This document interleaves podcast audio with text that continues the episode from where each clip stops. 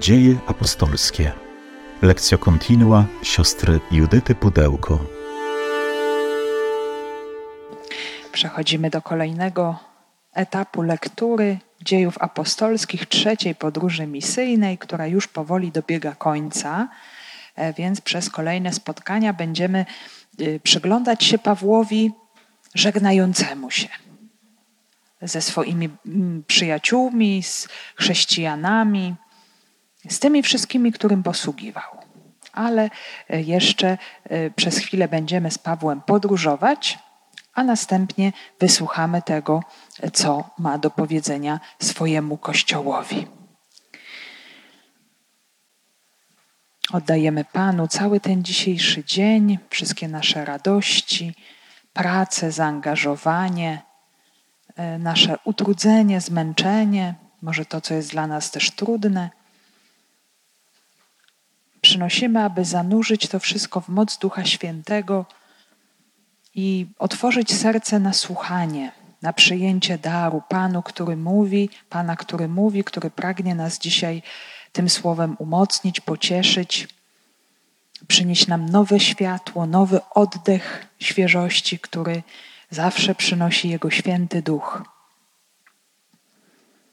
Panie Jezu Chryste, zmartwychwstały, Ty nam nieustannie udzielasz swego ducha, bo ten duch obejmuje nas miłością Twoją i Ojca, którą rozlewa w naszych sercach, w naszych umysłach, spraw, aby i w tym momencie, i teraz był z mocą obecny pośród nas i objawiał nam Ciebie i Twoją miłość. Prosimy Cię, posyłaj nam Twego Ducha Świętego. Przyjdź, o Duchu Święty, przyjdź mocy Boga i słodyczy Boga. Przyjdź Ty, który jesteś poruszeniem i spokojem zarazem. Odnów nasze męstwo, wypełnij naszą samotność pośród świata. Stwórz w nas zażyłość z Bogiem. Duchu z przebitego boku Chrystusa na krzyżu, przyjdź z ust zmartwychwstałego. No właśnie kończymy całą naszą wyprawę Pawła misjonarza, który będzie zmierzał do Jerozolimy, ale jeszcze na razie jest w trakcie swojej podróży. I dziś właśnie rozpoczniemy sobie też e, ten ostatni pasus, e, czyli najpierw będzie podróż do Miletu, a następnie rozpocznie się mowa Pawła skierowana do chrześcijan.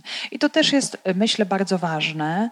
Jeszcze pewnie to kilka razy powtórzę przy okazji, bo to jest mowa Pawła, nie mowa do Żydów w synagodze, nie mowa Pawła do pogan na Agorze czy Areopagu, ale będzie to mowa pasterza do swoich braci do e, innych pasterzy Kościoła, więc mowa do chrześcijan. I dzisiaj już sobie tę mowę rozpoczniemy i ona jeszcze przez chwilę potrwa.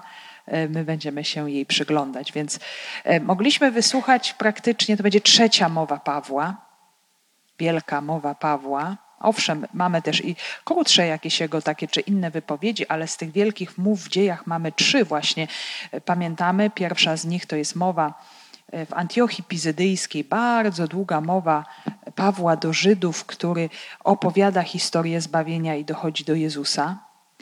Mamy też kolejną długą mowę Pawła na Areopagu, kiedy mówi do zupełnie nieznających Boga jedynego pogan, filozofów mędrkujących, e, szukających właśnie mądrości tego świata. Zupełnie inna mowa od innej strony. I ta trzecia wielka mowa Pawła, ona jest skierowana do chrześcijan. Też możemy zobaczyć, na co Paweł bardzo mocno zwraca w niej uwagę. Oczywiście one się bardzo mocno ze sobą różnią. Taka mowa pożegnalna. Jeszcze, e, jeszcze za chwilę sobie coś więcej na ten temat powiemy. Ale ciągle podsumowujemy za każdym razem tę trzecią podróż misyjną, która nam dobiega końca, e, bo ciągle też pojawia się ktoś, kogo nie było tydzień temu czy dwa tygodnie temu, więc to nam wszystko służy. Ta podróż misyjna, ona była przede wszystkim ukierunkowana na Efes, do którego Paweł był y, niejako przynaglany przez Ducha Świętego, już wracając z drugiej podróży misyjnej, tam na chwileczkę się zatrzymał i widział grunt poddatny, zasiał tam ziarno y, i mm, powraca tam znów, a zanim się tam pojawił, y, pojawia się tam Apollos, jeden z jego późniejszych towarzyszy, wykształcony Żyd z Aleksandrii, mm, zwolennik Jana Chrzciciela, znający chrześcijanowy, zostaje on tam zewangelizowany przez Akwilę i Pryscyllę. Paweł przybywa do Efezu, spotyka tam również innych tak zwanych Joannitów, także ich ewangelizuje, chrzci w imię Pana Jezusa Chrystusa, przekazuje im Ducha Świętego e, i dalej kontynuuje swoją działalność ewangelizacyjną, czyli naucza w synagodze. To jest zawsze ten pierwszy etap E, głoszenia Pawłowego, co też możemy zauważyć w jego listach, gdzie Paweł dzieli nam, e, no zresztą taki podział świata wtedy istniał. Najpierw Żydzi, potem Grecy. Żydzi i reszta świata. Tak, tak wtedy e, cała ta rzeczywistość była dzielona, i Paweł oczywiście przez fakt obecności Jezusa Chrystusa już cały ten podział świata będzie starał się zniwelować Czyli Chrystus przychodzi do wszystkich, do każdego, ale porządek jest właśnie taki. Najpierw objawia się Żydom, później objawia się poganom. Y, I, I, Paweł bardzo tak radykalnie to praktykuje, pomimo licznych przeciwności, zawsze szuka synagogi żydowskiej, do niej się y, odnosi. Więc y, tutaj znów zyskuje zwolenników, ale też przeciwników. Przenosi się do szkoły Tyrannosa, tam głosi Ewangelię i naucza. Również potwierdza to licznymi znakami i cudami, kiedy przedmioty y, użytku Pawła y, przyczyniają się do uzdrowień, do cudów. Jaki możemy powiedzieć bardzo, bardzo pierwotny znak czy jakieś odniesienie do tego, co nazywamy relikwiami świętych, nie? jakimiś przedmiotami związanymi ze świętymi, więc to pokazuje, jak moc Jezusa Chrystusa bardzo mocno jest obecna w Pawle, również w jego ciele, także nawet przenika te przedmioty, y, te, te y, tkaniny, które gdzieś mają kontakt z jego ciałem. Nie? To jest coś też takiego niesamowitego i, i nam potwierdza to, co się działo w przypadku Jezusa Chrystusa Y, który właśnie dotykany, dotykany, dotykane jego szaty, jego płaszcz y, uzdrawiały. I podobnie jest też w przypadku, y, w przypadku Pawła. Próbują to inni ludzie wykorzystywać w swoich niecnych celach, zdobywać tę moc, chcą również uzdrawiać, wypędzać złe duchy, tak jak Paweł, nie wierząc w Jezusa. I oczywiście bez wiary to jest niemożliwe. Nie, nie można sobie w jakiś taki sposób niegodziwy nabyć e, tej Bożej mocy. E, nie można sobie kupić Pana Boga, czy go wykorzystywać do własnych celów. E, I i pamiętamy, że ci, którzy próbowali to robić, pseudoegzorcyści, zostają obezwładnieni przez opętanego człowieka, e, pobici i, i po prostu bardzo mocno zawstydzeni. Ale ta cała trudna sytuacja przyczynia się do e, odrzucenia ksiąg magicznych, e, głębszego nawrócenia przez licznych mieszkańców Efezu i okolic. No i ta moc Pawła się rozchodzi po całym tym obszarze. Zauważają to lokalni wytwórcy pamiątek religijnych, świątynek Artemidy z Efezu, którzy na czele z Demetriuszem wzbudzają bunt przeciw chrześcijanom.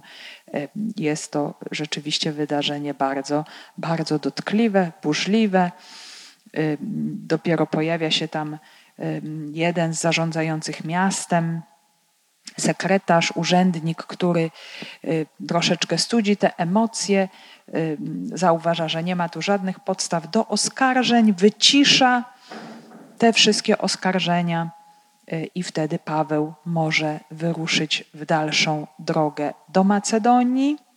Wyrusza do Macedonii, gdzie umacnia oczywiście wszystkich uczniów w Bożym Słowie, następnie do Grecji, do Koryntu, chociaż jest tam to bardzo ogólnie stwierdzone, ale wiemy skądinąd, że to jest Korynt. I tam właśnie powstaje list do Rzymian, fantastyczne, cudowne dzieło Pawła, naprawdę genialny arcydzieło, niesamowicie wielkiej wiedzy duchowej, gdzie Paweł rozkłada na czynniki pierwsze tajemnice no, tej Ewangelii, którą głosi. Ewangelii, która nam przynosi usprawiedliwienie przez wiarę i życie, nowe życie w Duchu Świętym. Więc to, co jest absolutnym sednem życia chrześcijańskiego. To jest wspólnota, której Paweł nie zakładał, ci Rzymianie, której Paweł nie zna zasadniczo. Jest to wspólnota mieszana, są tam zarówno Żydzi, jak i poganie. I Paweł, planując swoją podróż do Hiszpanii, czyli na ówczesne krańce świata, bo tam się kończył wtedy cały Zachód, nikt nie znał nic dalej, więc to był już y, y, całkowity kres tego świata i Paweł oczywiście kierując się ogromnym pragnieniem serca i nakazem misyjnym Jezusa, on pragnie ogłosić imię Jezusa Chrystusa właśnie na krańcach świata i liczy, że Rzymianie, chrześcijanie rzymscy mu w tym pomogą, bo z Rzymu już można było pożeglować w miarę sprawnie do Hiszpanii w cztery dni, więc nie było to rzeczą jakąś bardzo, bardzo e, trudną. E, dlatego pragnie e, przekazać również swoje nauczanie chrześcijanom z Rzymu, przesyłając też ten list przez Febę, diakonisę kościoła korynckiego Kenkrach, która ten list zapewne tam zaniosła odczytała. I też jednocześnie taki y, y, człowiek, który dostarczał list, jeżeli coś było niejasnego, ta osoba musiała być zaznajomiona z tym listem dobrze, musiała umieć go wytłumaczyć, jeżeli byłyby pytania. Więc, y, więc misja bardzo, bardzo ważna. Także Paweł próbował, pragnął już z tej Grecji udać się do Jerozolimy, właśnie do Syrii, no ale niestety nie mógł, bo dowiedział się o y, zasadzce y, żydowskiej, prawdopodobnym zamachu, y, który przygotowywali Żydzi na Pawła podczas podróży morskiej. Dlatego Paweł rezygnuje z tej podróży morskiej i wraca, czy pragnie przybyć do, mm, do Jerozolimy, częściowo udając się drogą lądową właśnie przez Macedonię. Przez Macedonię udaje się do Troady, i to, co czytaliśmy ostatnio, tam mamy przepiękny obraz liturgii chrześcijańskiej w pierwszym dniu po szabacie, czyli niedziela. Chrześcijanie pierwszego wieku, pierwszych dziesięcioleci swego istnienia celebrują niedzielę e, we wspólnocie, razem, e, słuchając słowa, które jest głoszone z mocą i bardzo długo. W związku z tym, że y, no, to pomieszczenie nie jest pewnie zbyt duże, są lampy, jest mało powietrza, dużo ludzi. Y, młodzieniec, który jest tam obecny, zasypia siedząc na oknie, może był zmęczony, może już ciężko pracował. E, ludzie biedniejsi mm, y, pracowali do późna, Dlatego oni bardzo często po pracy przychodzili właśnie prosto na te spotkania, wspólnoty i byli bardzo, bardzo zmęczeni, tak jak pewnie niektórzy z nas. E, no i, no i co? No i właśnie Eutych zasypia, e, wypada przez okno. Wydaje się, e, że już jest rzecz absolutnie nie do zmiany. Umiera na miejscu. Paweł go podnosi i mówi: On żyje. Jego życie, jego dusza jest w nim. Przyprowadzają go do sali górnej i dalej kontynuują Eucharystię, gdzie Paweł dalej Naucza, głosi, łamie chleb. Jest modlitwa, która przeciąga się aż do świtu. Więc chrześcijanie Troady y, tutaj w tym spotkaniu przed wyjazdem Pawła mogli jeszcze doświadczyć mocy y, Jezusa Chrystusa zmartwychwstałego, który nie tylko działa w taki sposób duchowy w ich sercach, pomnażając w nich wiarę, umacniając w nich to nowe życie, ale również e, ukazując im ten konkretny znak e, wobec właśnie tego wskrzeszonego młodzieńca. I później Paweł z towarzyszami wyruszają dalej. I co się dzieje, zaraz zobaczymy. z dziejów apostolskich. My zaś, wsiadłszy wcześniej na okręt, popłynęliśmy do Assos, skąd mieliśmy zabrać Pawła, bo tak zarządził, chcąc iść pieszo. Kiedy spotkał się z nami w Assos, zabraliśmy go. Przybyliśmy do Miletyny. Odpłynąwszy stamtąd, znaleźliśmy się nazajutrz naprzeciw Chios, a następnego dnia przybyliśmy na Samos. Dzień później dotarliśmy do Miletu gdyż Paweł postanowił ominąć Efes, aby nie tracić czasu w Azji. Śpieszył się bowiem, aby jeśli to możliwe, być na dzień pięćdziesiątnicy w Jerozolimie. Z Miletu posłał do Efezu i wezwał starszych kościoła. Gdy do niego przybyli, przemówił do nich: Wy wiecie, jaki byłem z wami przez cały czas, od pierwszej chwili, kiedy stanąłem w Azji Służyłem Panu z całą pokorą wśród łez i doświadczeń, które mnie spotkały z powodu zasadzek Żydów. Jak nie uchylałem się tchórzliwie od niczego, co pożyteczne, także przemawiałem i nauczałem was publicznie i po domach, nawołując zarówno Żydów, jak i Greków do nawrócenia się do Boga i do uwierzenia w Pana naszego Jezusa. E, więc zanim przejdziemy do mowy pożegnalnej Pawła, e, jeszcze przez krótką chwilę zobaczmy, jak bardzo dynamicznie nam przebiega ta podróż. Tutaj mamy dużo e, punktów, e, które też będziemy śledzić za pomocą takiej też mapki bardziej szczegółowej.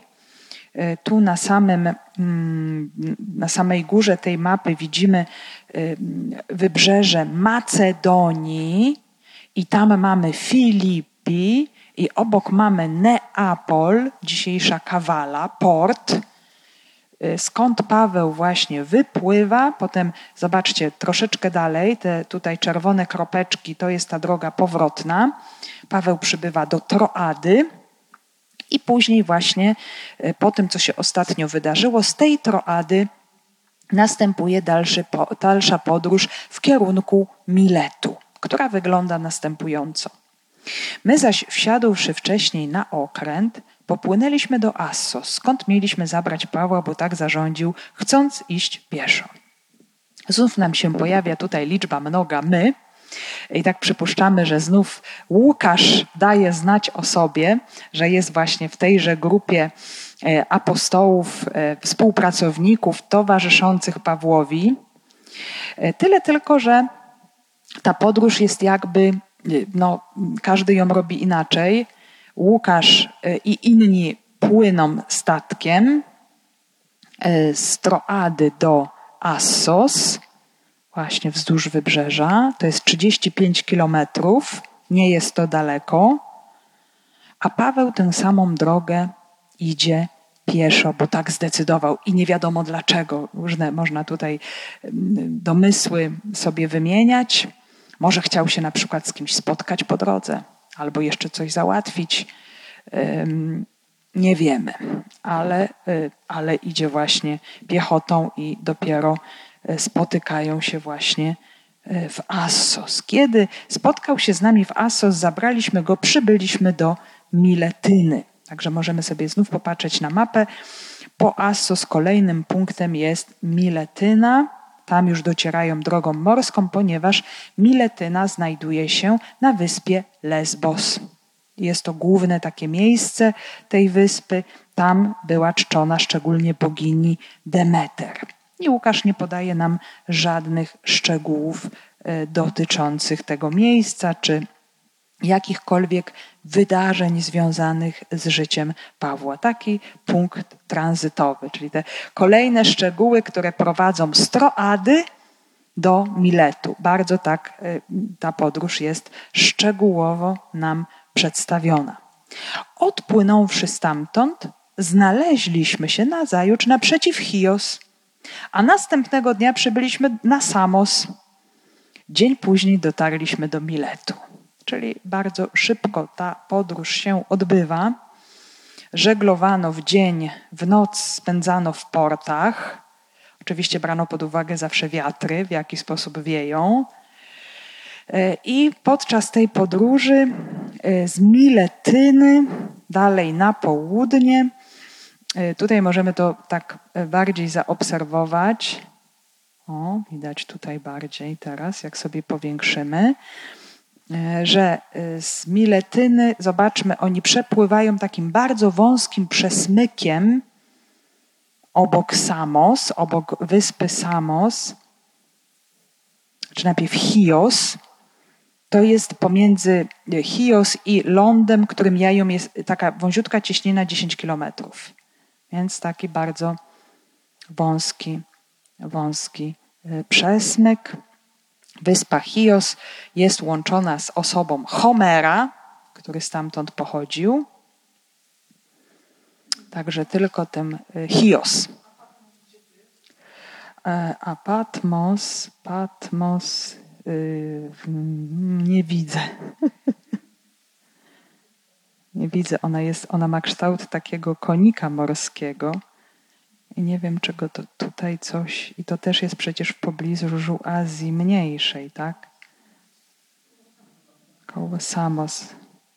Może właśnie ta zakryta tym żółtym Możliwe, że to jest tam, ponieważ to jest właśnie bardzo blisko naprzeciw praktycznie e, Efezu i Miletu, więc e, niedaleko wybrzeży e, właśnie Azji Mniejszej.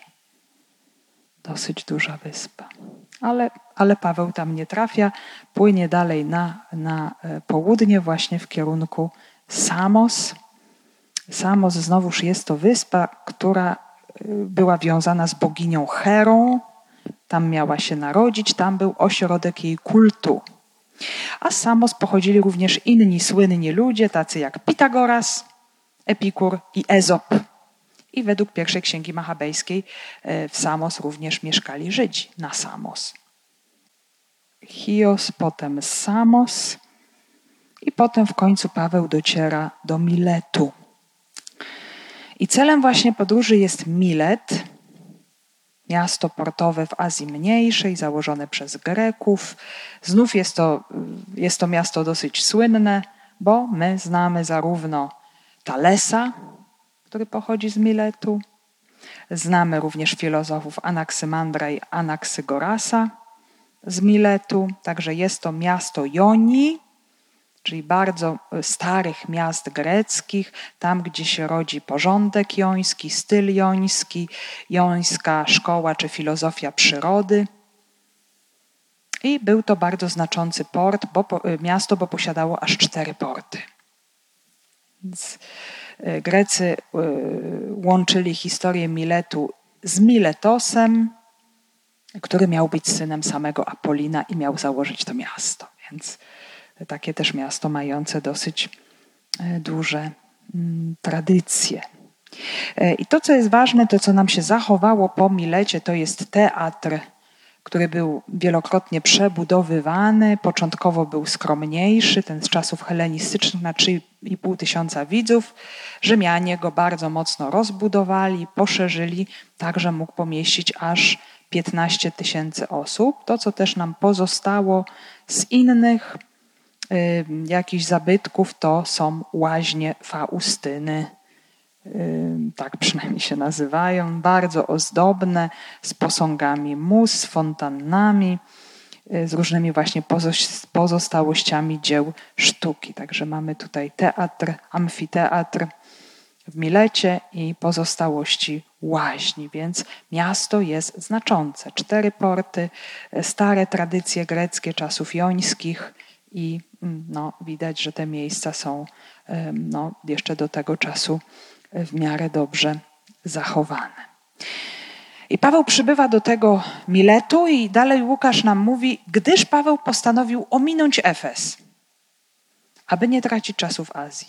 Śpieszył się bowiem, aby, jeśli to możliwe, być na dzień pięćdziesiątnicy w Jerozolimie. I znów, kiedy sobie popatrzymy na mapę, to zobaczymy, że E, że właściwie płynąc z Chios na Samos i do Miletu, mija bokiem Efes i dociera do Miletu. Efes pozostawia, który jest blisko Miletu, bo tylko około 60 kilometrów, nie jest to daleko. I, jaki tutaj mamy motywację ominięcia Efezu? No, jest podana zasadniczo ta, że Paweł ma pewien cel. Chce zdążyć na pięćdziesiątnicę do Jerozolimy. W Macedonii, w Filipi były święta paschalne, po święcie prześników, a więc tydzień po Pasrze, wyrusza stamtąd do Troady, więc już minęły przynajmniej dwa tygodnie. E, od Paschy. E, więc Paweł bardzo tutaj troszczy się o ten czas i pragnie na pięćdziesiątnicę przybyć do e, Jerozolimy. Ma oczywiście pewne przeczucia co do tej podróży. To jest też święto pielgrzymie, więc na, na pięćdziesiątnicę będzie bardzo wielu pielgrzymów w Jerozolimie. Paweł będzie miał okazję spotkać bardzo wielu różnych Żydów z całego praktycznie tutaj terytorium Bliskiego Wschodu, z różnych diaspor. E, ale również też i bojących się Boga, prozelitów. E, jak pamiętamy, Paweł ma zawieść im kolektę, pomoc materialną zbieraną praktycznie we wszystkich kościołach Azji Mniejszej i Grecji. E, taki Paweł też miał cel, biorąc pod uwagę trudności ekonomiczne Jerozolimy i chce ten plan zrealizować. Nie ma za wiele czasu. Natomiast w Efezie było bardzo wielu chrześcijan, te wspólnoty były liczne i, i być może dowiadując się o obecności Pawła, wielu ludzi chciałoby go spotkać, zaprosić, e, trudno byłoby odmówić e, i ta e, podróż, ten pobyt w Efezie by się na pewno znacznie też przedłużył. Pamiętamy też, że obecność Pawła wywołała znaczne zamieszki w Efezie.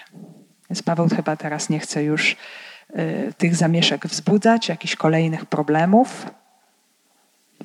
A jest to też bardzo ciekawe, że y, tutaj mieliśmy odniesienie do Paschy wcześniej, teraz mamy odniesienie do Pięćdziesiątnicy, y, czyli te święta pierwotnie żydowskie, one są jeszcze bardzo mocno obecne, w, y, nawet właśnie y, z tymi nazwami w kalendarzu chrześcijańskim. Zresztą akurat te dwa wielkie święta, one stają się stricte chrześcijańskie, bo to jest zmartwychwstanie Jezusa i zesłanie Ducha Świętego, nasza pięćdziesiątnica.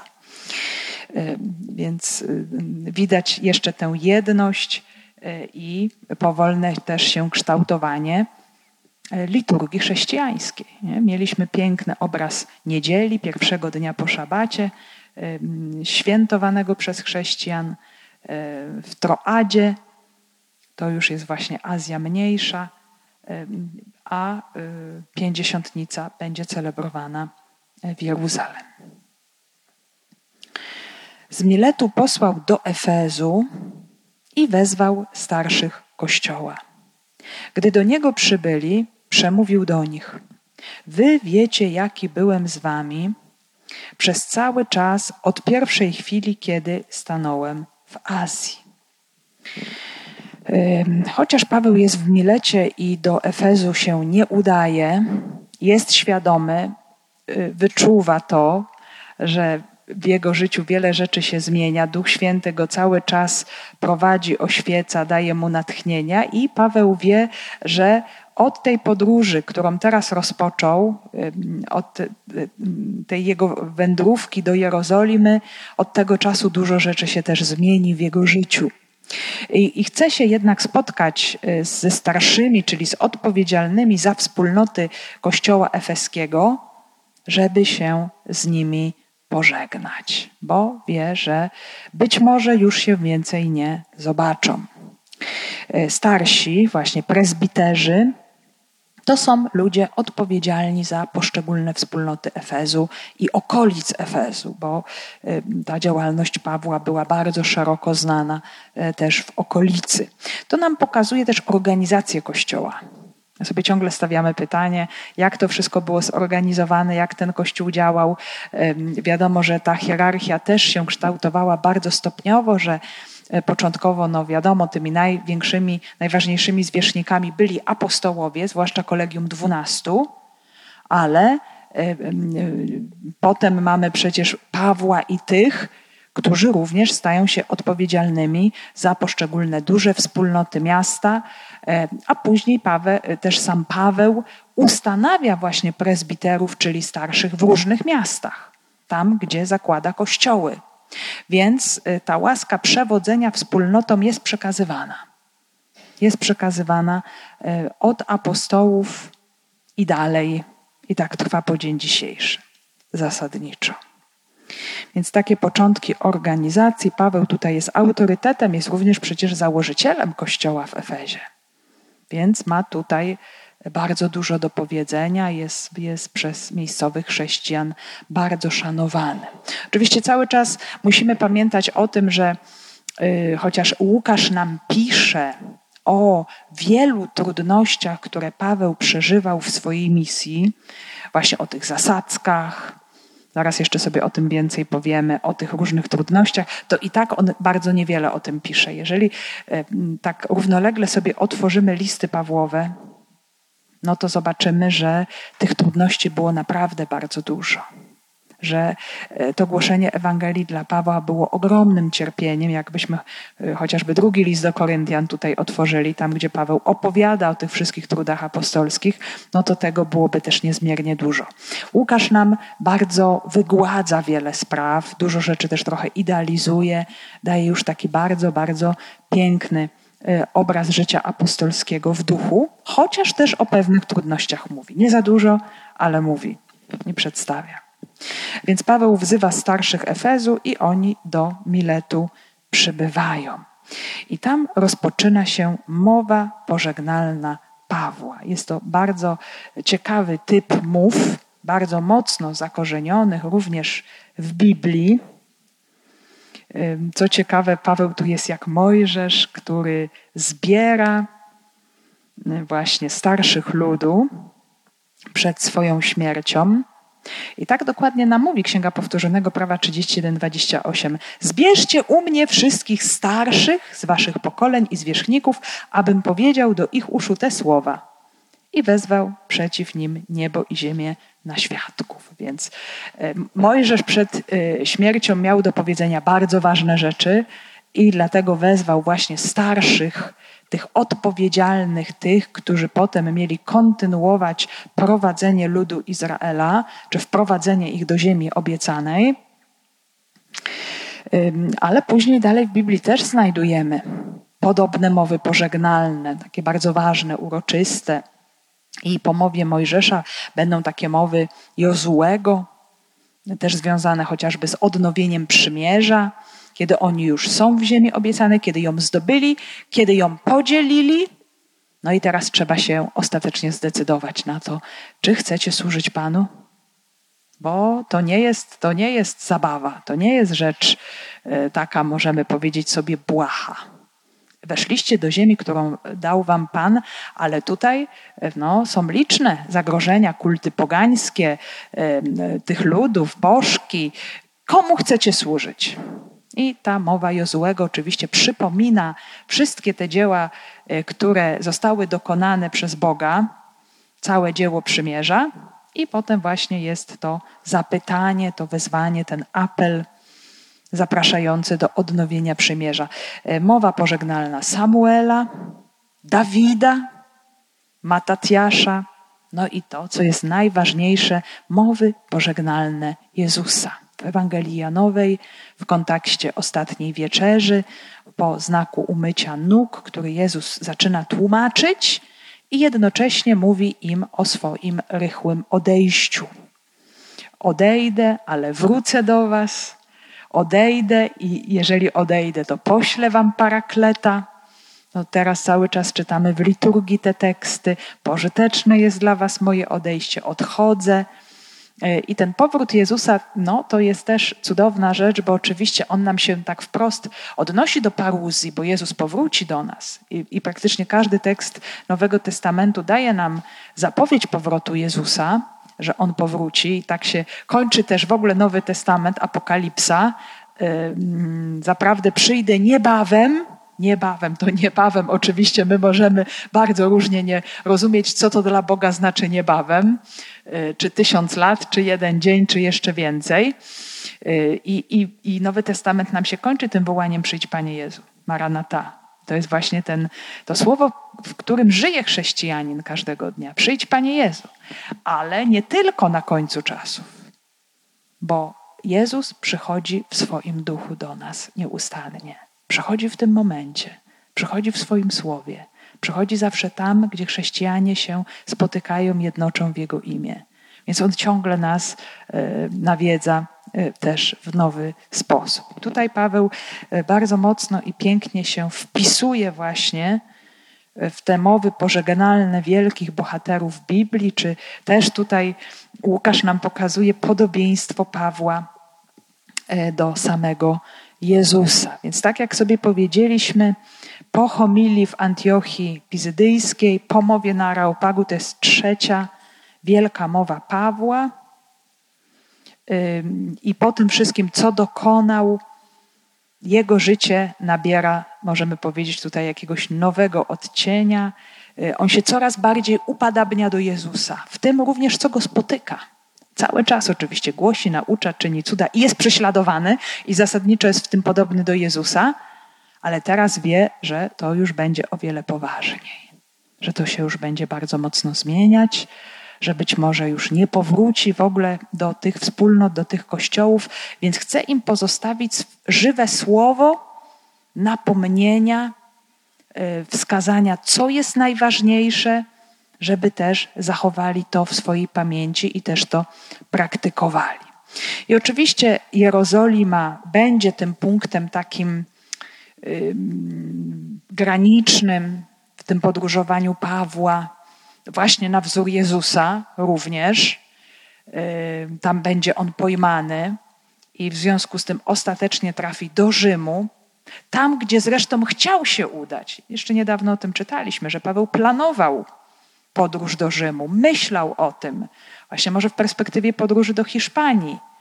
Ale w, w tej narracji dziejów apostolskich Paweł się uda do Rzymu jako więzień zupełnie inaczej niż może by mu się to wydawało. Ale też z drugiej strony słowo nie ulegnie skrępowaniu, bo zobaczymy, że Paweł będzie je ciągle głosił. Można apostoła uwięzić, można go próbować zniwelować. Słowo jest głoszone dalej, tak czy inaczej. Więc też y, Łukasz chce nam to bardzo, bardzo tutaj wyraźnie objawić. I ta mowa Pawła, ona rozpoczyna się od podsumowania jego dotychczasowej drogi. Tego ostatniego, zwłaszcza też etapu, bo oczywiście Paweł e, był bardzo aktywny, ruchliwy, był w bardzo różnych miejscach, ale ponieważ zwraca się do prezbiterów starszych kościoła efeskiego, chce przypomnieć im swój pobyt w Efezie, w Azji w okolicach, bo ci słuchacze dobrze to pamiętają. Czyli Paweł też tutaj jest swoistym świadkiem to nie jest jakaś teoria. Paweł y, no, jest na tyle zjednoczony z Chrystusem, jest na tyle wiernym znakiem, przykładem dla wspólnoty. Y, no, zobaczcie, moi drodzy, to jest pokora. To jest niesamowita pokora, że Paweł może y, im wskazać na siebie. Pamiętacie, jak właśnie wiecie, jaki byłem z wami przez cały czas od pierwszej chwili, kiedy stanąłem w Azji. Nie mam nic do ukrycia. Możecie przyjrzeć się wszystkim moim postawom, mojemu życiu, no i wyciągnąć też z tego, tego wnioski. Y, I o czym Paweł wspomina po pierwsze? Służyłem Panu z całą pokorą wśród łez i doświadczeń, które mnie spotkały z powodu zasadzek Żydów. Więc y, Paweł tutaj, zobaczmy, wcale nie wspomina wielkich sukcesów, tylko pierwsza sprawa zasadnicza to misja apostolska, to jest służba. To jest taka służba niewolnika. Tak tutaj Paweł siebie określa. Służba niewolnika, czyli kogoś, kto jest własnością swego pana. Z niewolnikiem pan mógł zrobić, co chciał. I Paweł włącza siebie właśnie w ten zaszczytny poczet sług Jezusa, sług Bożych. Tak siebie nazywa nawet właśnie w tytułach listów do Rzymian, do Filipian, do Galatów. I oczywiście z biblijnego punktu widzenia bycie sługą Pana to był zaszczyt.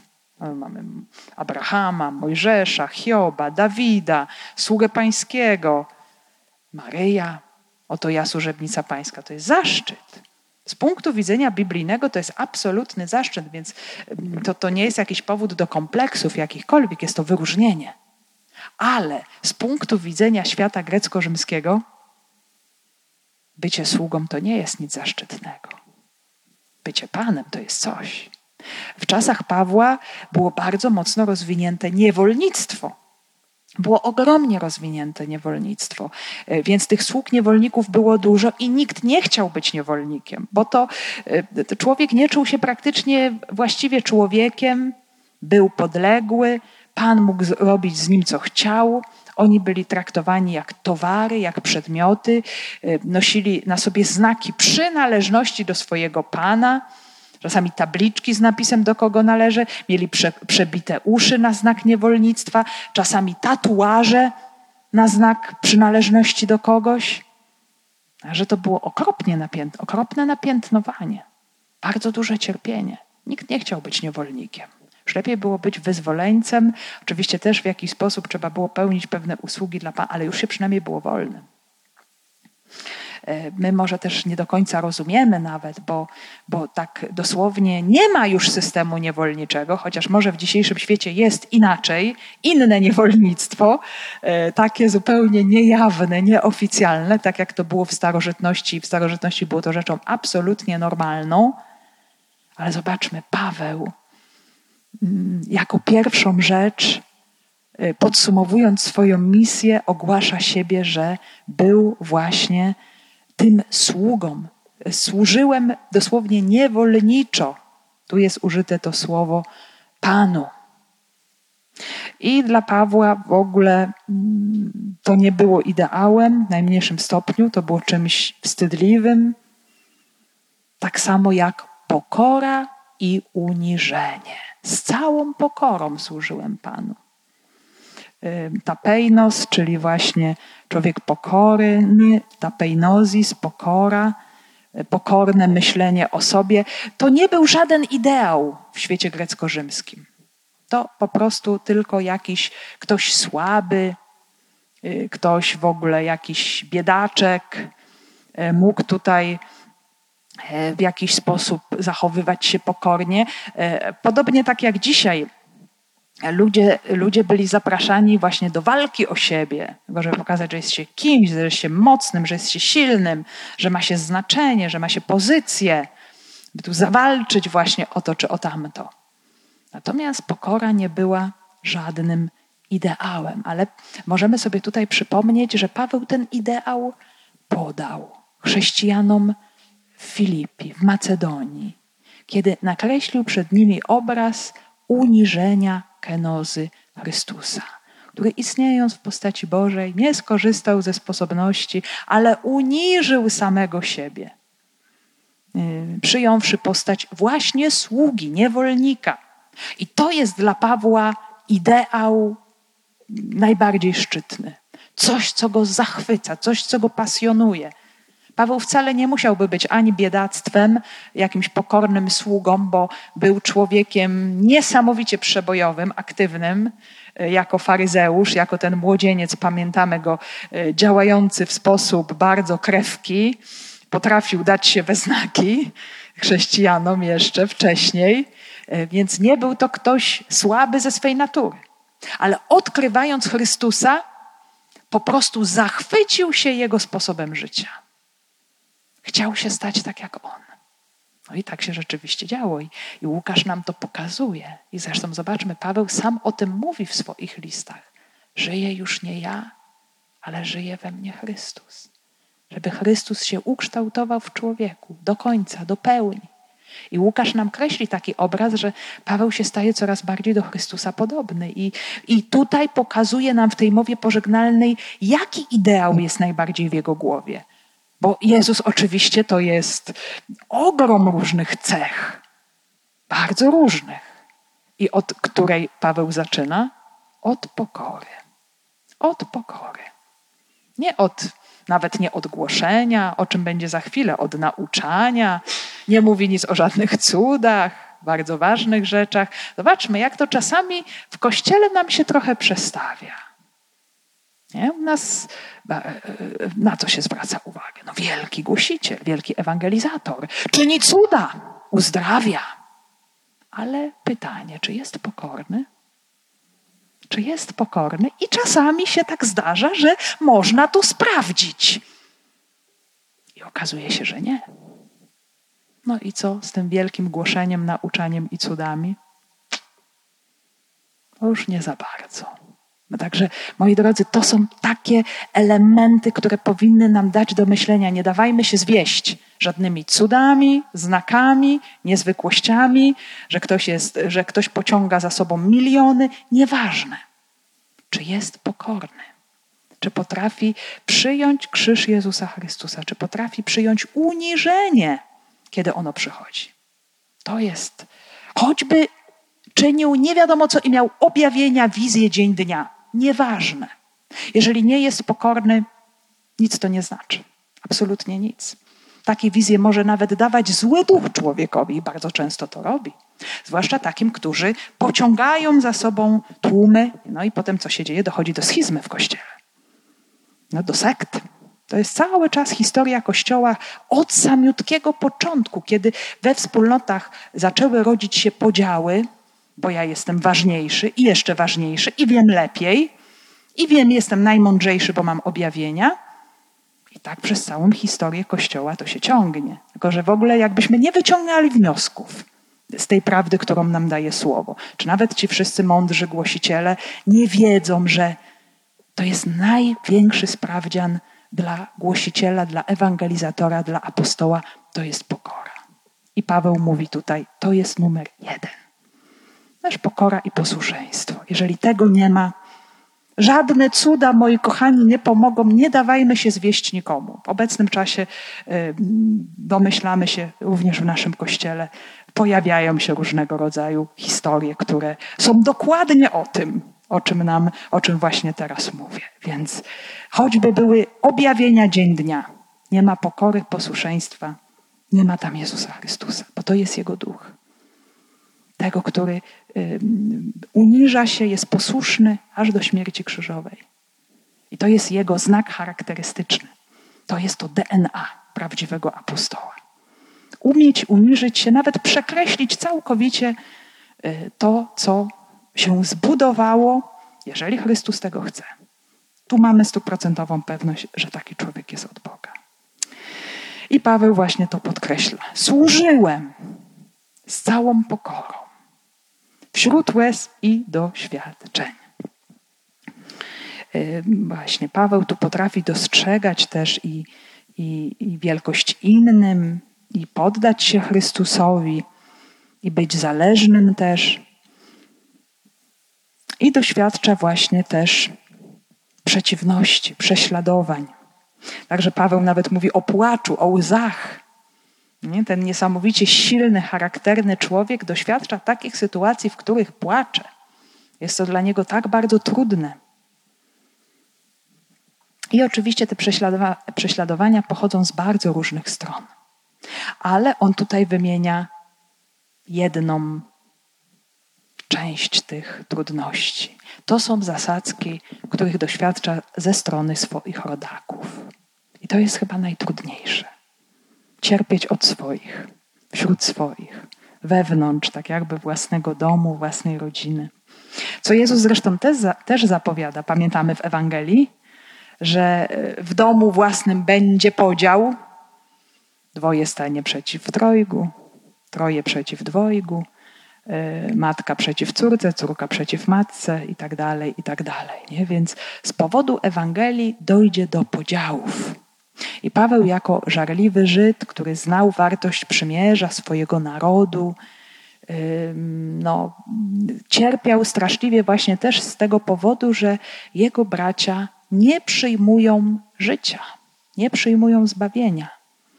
To z jednej strony były zasadzki, e, oczywiście na jego życie i ciągle jakieś, zobaczcie, donosy, podburzanie tłumów, nawet w tych miastach greckich, e, przeciwko Pawłowi, e, wymyślanie jakichś bardzo dziwnych powodów, bardzo często ekonomiczne to były powody, albo uderzające w prawa Rzymu.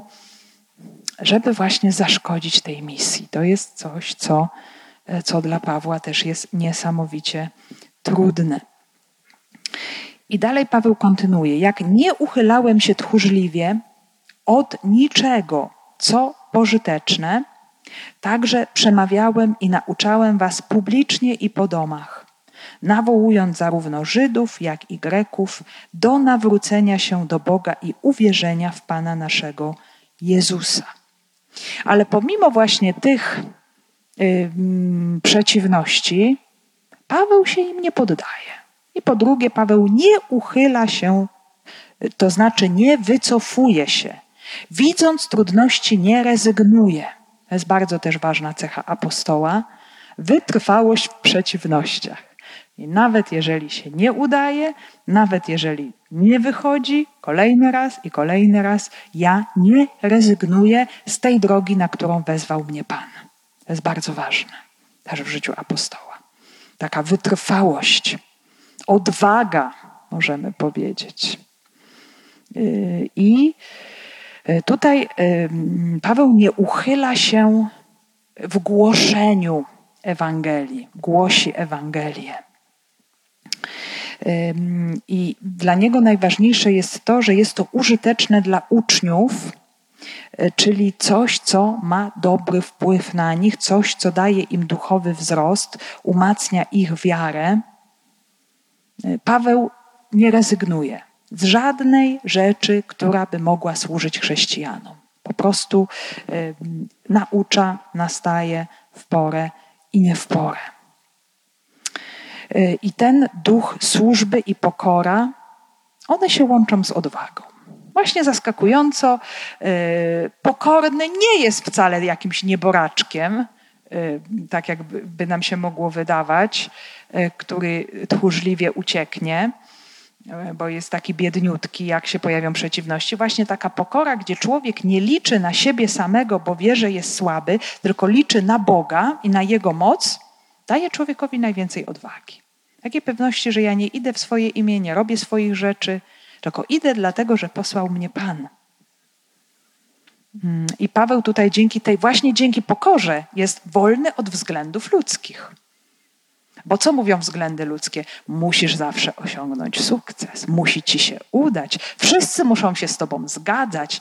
I to jest, proszę Państwa, bardzo duże zagrożenie, bo to powoduje, że człowiek zaczyna grać, czyli robić coś takiego, żeby się przypodobać ludziom, żeby oni mnie przyjęli. No więc może to powiem, ale tego nie powiem, bo to może być źle odebrane. A zobaczmy, Paweł nie uchyla się i mówi do końca wszystko to, co jest pożyteczne. Nie uchyla się tchórzliwie przed e, mówieniem prawdy, trudnej prawdy.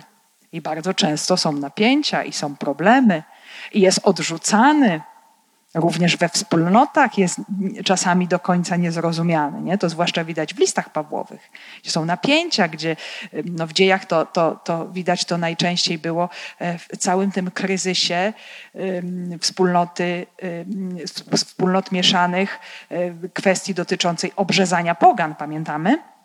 Gdzie doszło do zatargów, do sporów, do kłótni strasznie mocnych na ten temat. I Paweł nie popuścił.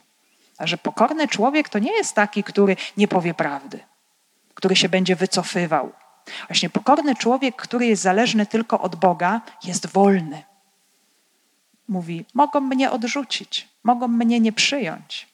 Ja czynię to, do czego wzywa mnie Pan. Więc wolność, którą daje Duch Święty, o której też sobie mówiliśmy wielokrotnie, to jest ta swoboda też w mówieniu, to co język grecki nazywa terminem parezja, czyli mówienie bardzo swobodne, bez żadnych ludzkich względów, bez pochlebstwa, ponieważ większość mów e, starożytnych, ona się charakteryzowała pochlebstwem, Czyli takie mówienie, żeby się przypodobać. Paweł oczywiście znał i używał różnych metod retorycznych. Czasami mówiliśmy o captatio benevolencję, że na początku zauważał dobro swoich słuchaczy, żeby otworzyć ich serca, ale na tym nie poprzestawał.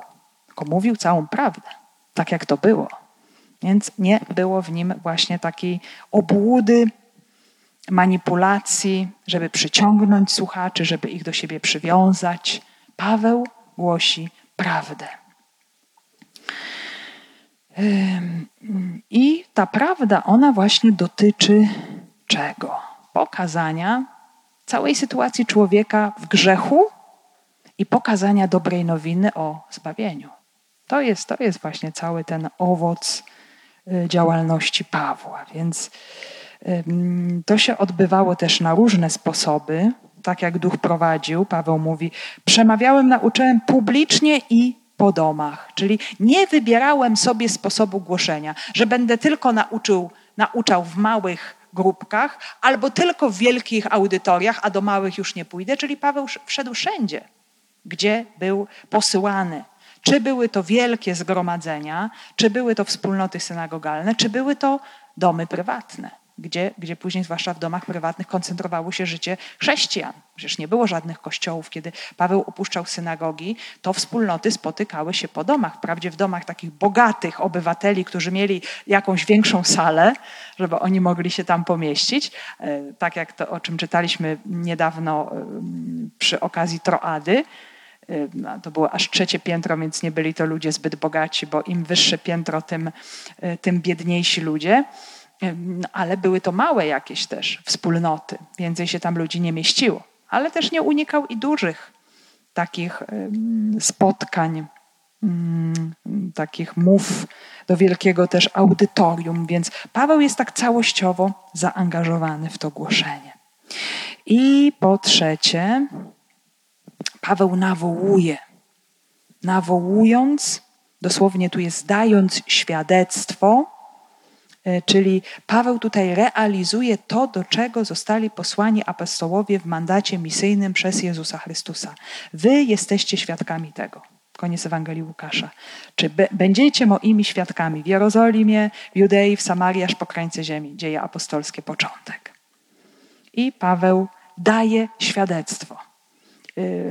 Co się dokonało, Jezusie Chrystusie, o Jego męce, śmierci, zmartwychwstaniu, ale też daje świadectwo, czego On doświadczył, tego spotkania ze zmartwychwstałym i jak to spotkanie przemieniło Jego życie całkowicie.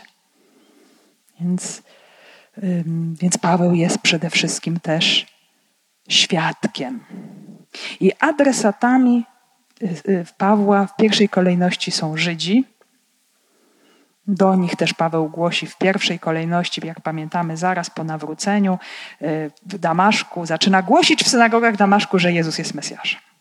Rozpoczyna od razu właśnie od nich, od Żydów helenistycznych. Paweł ich zna, zna Grekę, zna ich świat. Y, to, że łączą oni w jakiś sposób kulturę żydowską i pogańską, znaczy przynajmniej mentalność pogańską. Mm, I Potem Paweł też w dalszej kolejności odkrywa swoją szczególną misję wobec pogan, czyli całej reszty świata. Y, czyli znów nie działa wybiórczo również, idzie do wszystkich tam, gdzie jest posłany.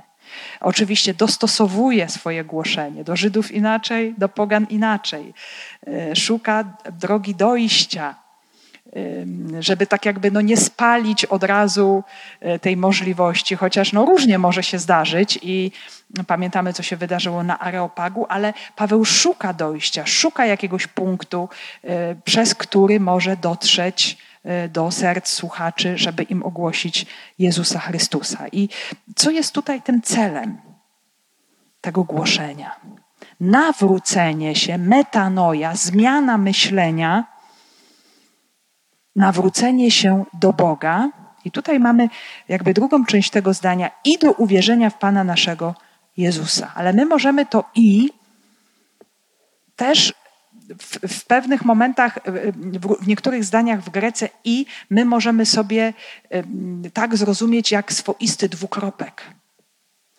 Czyli to nawrócenie się do Boga, co oznacza w rzeczywistości to pełne nawrócenie się do Boga, uwierzenie w jaki sposób On zbawił świat, czyli przez swojego Syna, Pana naszego Jezusa Chrystusa. To jest właśnie to ostateczne nawrócenie się, e, do którego Bóg zaprosił swój, w pierwszym rzędzie swój naród wybrany, a później przez ten naród wybrany cały świat, wszystkich innych. Prawdziwym nawróceniem się do Boga jest przyjęcie tego daru zbawienia, które On daje w swoim Synu Jezusie Chrystusie, prawdziwym Bogu, prawdziwym człowieku, dzięki czemu dokonuje się nasza wewnętrzna przemiana. Jeżeli przyjmujemy słowo, sercem swoim wierzymy, y, przyjmujemy ten dar usprawiedliwienia, przyjmujemy Ducha Świętego i rozpoczynamy nowe życie. Coś zupełnie, zupełnie nowego. Mm, stajemy się nowym stworzeniem. Wchodzimy do rodziny Boga. Więc taki jest cel Pawła. To jest cel jego życia. I on to tu wszystko przypomina, odnosząc się do siebie, ale też mówi o tym właśnie swoim słuchaczom, jakby, jakby chcąc im poustawiać kolejność pewnych rzeczy. Pewnego rodzaju punkty ważne, na które mają zwrócić uwagę. Co jest tak naprawdę ważne w tym życiu apostoła? Co jest istotne? No właśnie, pokora, znoszenie przeciwności, głoszenie mimo wszystko, yy, głoszenie w takiej ogromnej wolności, głoszenie wszystkim na różne sposoby i, i głoszenie tego, co jest, co jest najważniejsze, co jest sednem wielkiego dzieła Jezusa Chrystusa, yy, jakim jest właśnie zbawienie. Więc moi drodzy, się tu zatrzymamy w tymże miejscu. Jest to początek dopiero tejże mowy. Będziemy się posuwać spokojnie dalej.